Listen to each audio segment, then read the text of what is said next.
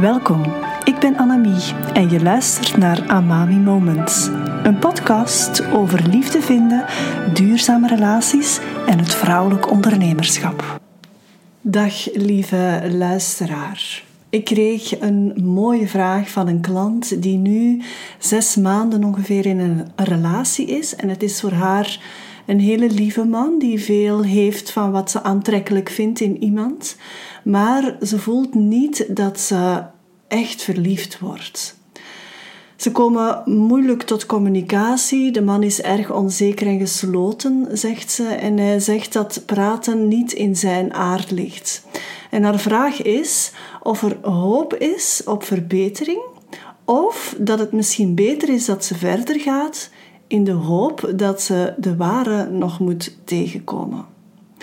En laat mij even starten met wat eigenlijk de ware is, of de juiste. Want voor mij is de ware de persoon met wie je het wil proberen en wanneer dat ook wederkerig is.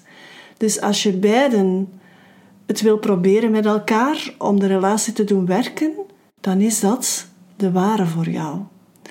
Er is een bepaalde definitie die je hebt over wat liefde voor jou is, of over hoe jij graag gezien wil worden en wat jouw normen en waarden daar zijn. En heel veel van die definitie hangt af van je eigen hechtingsstijl. En als je daar nooit bij stilstaat of nooit over nadenkt, dan gaat dat heel erg transgenerationeel overgaan.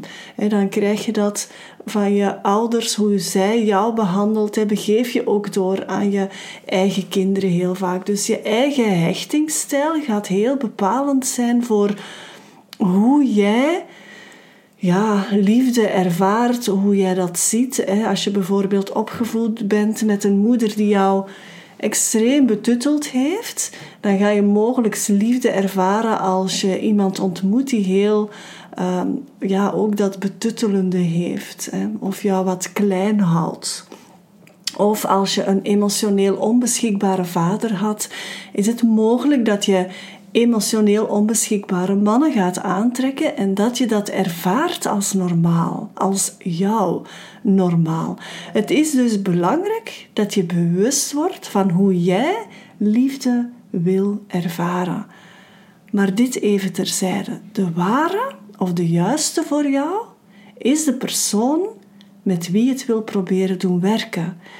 En wanneer het ook wederkerig is. Daarin is het belangrijk om te gaan kijken naar de normen en waarden die je beiden uitdraagt. Komen die overeen? Zeker op kernwaarden ga je moeilijk kunnen inboeten. Het is best dat je daar echt wel compatibel bent. Wat jouw kernwaarden zijn, is heel persoonlijk voor jou en daar ben je best op voorhand bewust van. Een tweede aspect is de vraag stellen hoe jij verbinding ervaart in die relatie. Verbinding voelen met elkaar is soms veel krachtiger dan verliefd worden of verliefd zijn. Fysieke aantrekking is één ding. Emotionele aantrekking is veel belangrijker op lange termijn. En daar komt verbinding aan te pas. Je gaat heel moeilijk emotionele aantrekking gaan installeren als je geen verbinding voelt. Dus als die er niet is, zal het op lange termijn moeilijk worden. Daarnaast nodig ik je uit om te kijken naar wat je man wel te bieden heeft. De uitnodiging hier is voor jou als vrouw dat je in jouw vrouwelijke energie blijft staan. Jouw essentie tussen het licht en donker vrouwelijk respecteren. Weet dat wanneer jij trouw blijft aan jezelf, de waarheid van jouw hart respecteert, dat je dan de man uitnodigt om in zijn mannelijke kracht te gaan staan. Zijn gewonde energie vanuit een mogelijke moeder- of vaderwond gaat hij dan ook durven aanpakken. Je kan niemand dwingen om dat te doen. Enkel uitnodigen door trouw te blijven aan jezelf. Hoe meer je gericht bent op wat er niet is bij hem, hoe groter dat dat wordt. Dus de uitnodiging hier is om echt in jouw eigen vrouwelijke kracht te gaan staan. Benoem jouw behoeften vanuit jouw gevoelslaag. Weet daarnaast ook wat jouw liefdesvat vult en maak dat duidelijk aan je man. Het is zijn verantwoordelijkheid om dat, van, om dat liefdesvat van jou te vullen en uiteraard vice versa. Het is jouw verantwoordelijkheid om het liefdesvat van hem te vullen. Wat vult zijn vat? Wat wakkert zijn gevoel voor jou aan? En voor die brandstof ben jij verantwoordelijk. Een heel belangrijk aspect dat ik hier wil aankaarten is het volgende. Misschien is verliefd zijn echt wel wat overrated.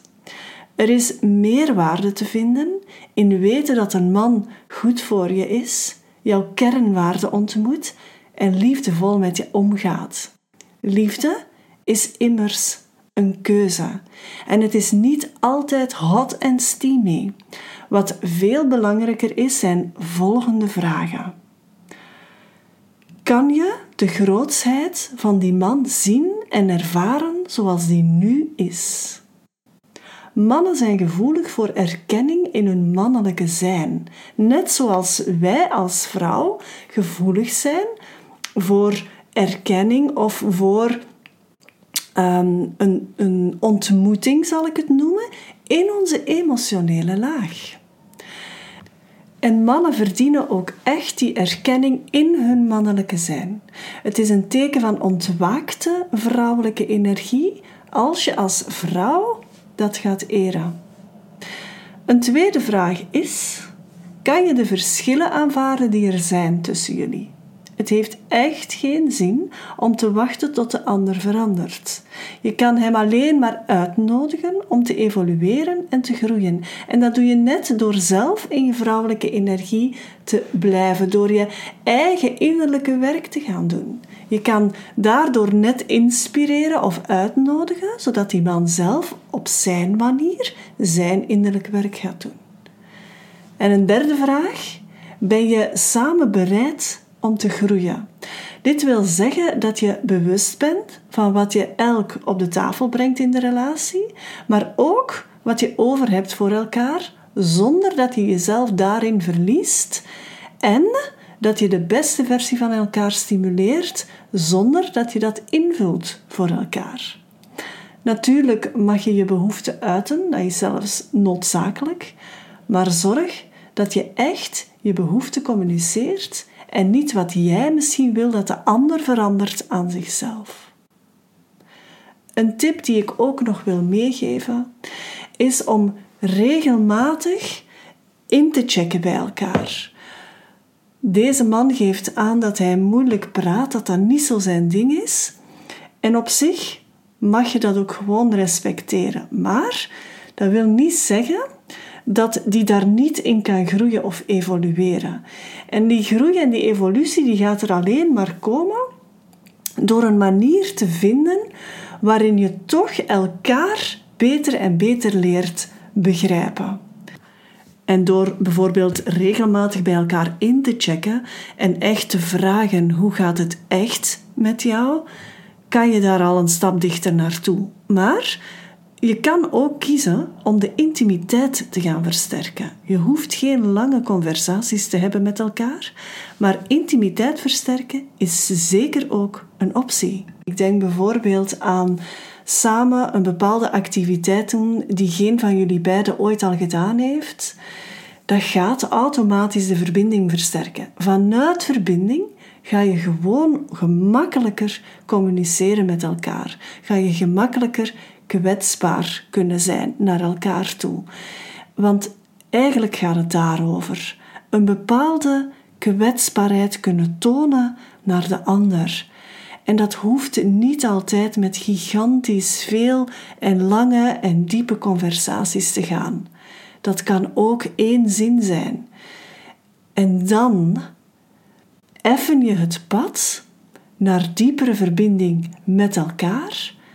En dan ga je automatisch elkaar veel meer zien voor wie je elk bent. Ben jij geraakt of geïnspireerd door deze podcast? Help mij dan om meer mensen te bereiken door een recensie achter te laten of door de podcast te delen op je social media. Wil je ontdekken hoe ik jou kan helpen de liefde grootser te maken? Neem dan contact op via de link bij deze aflevering.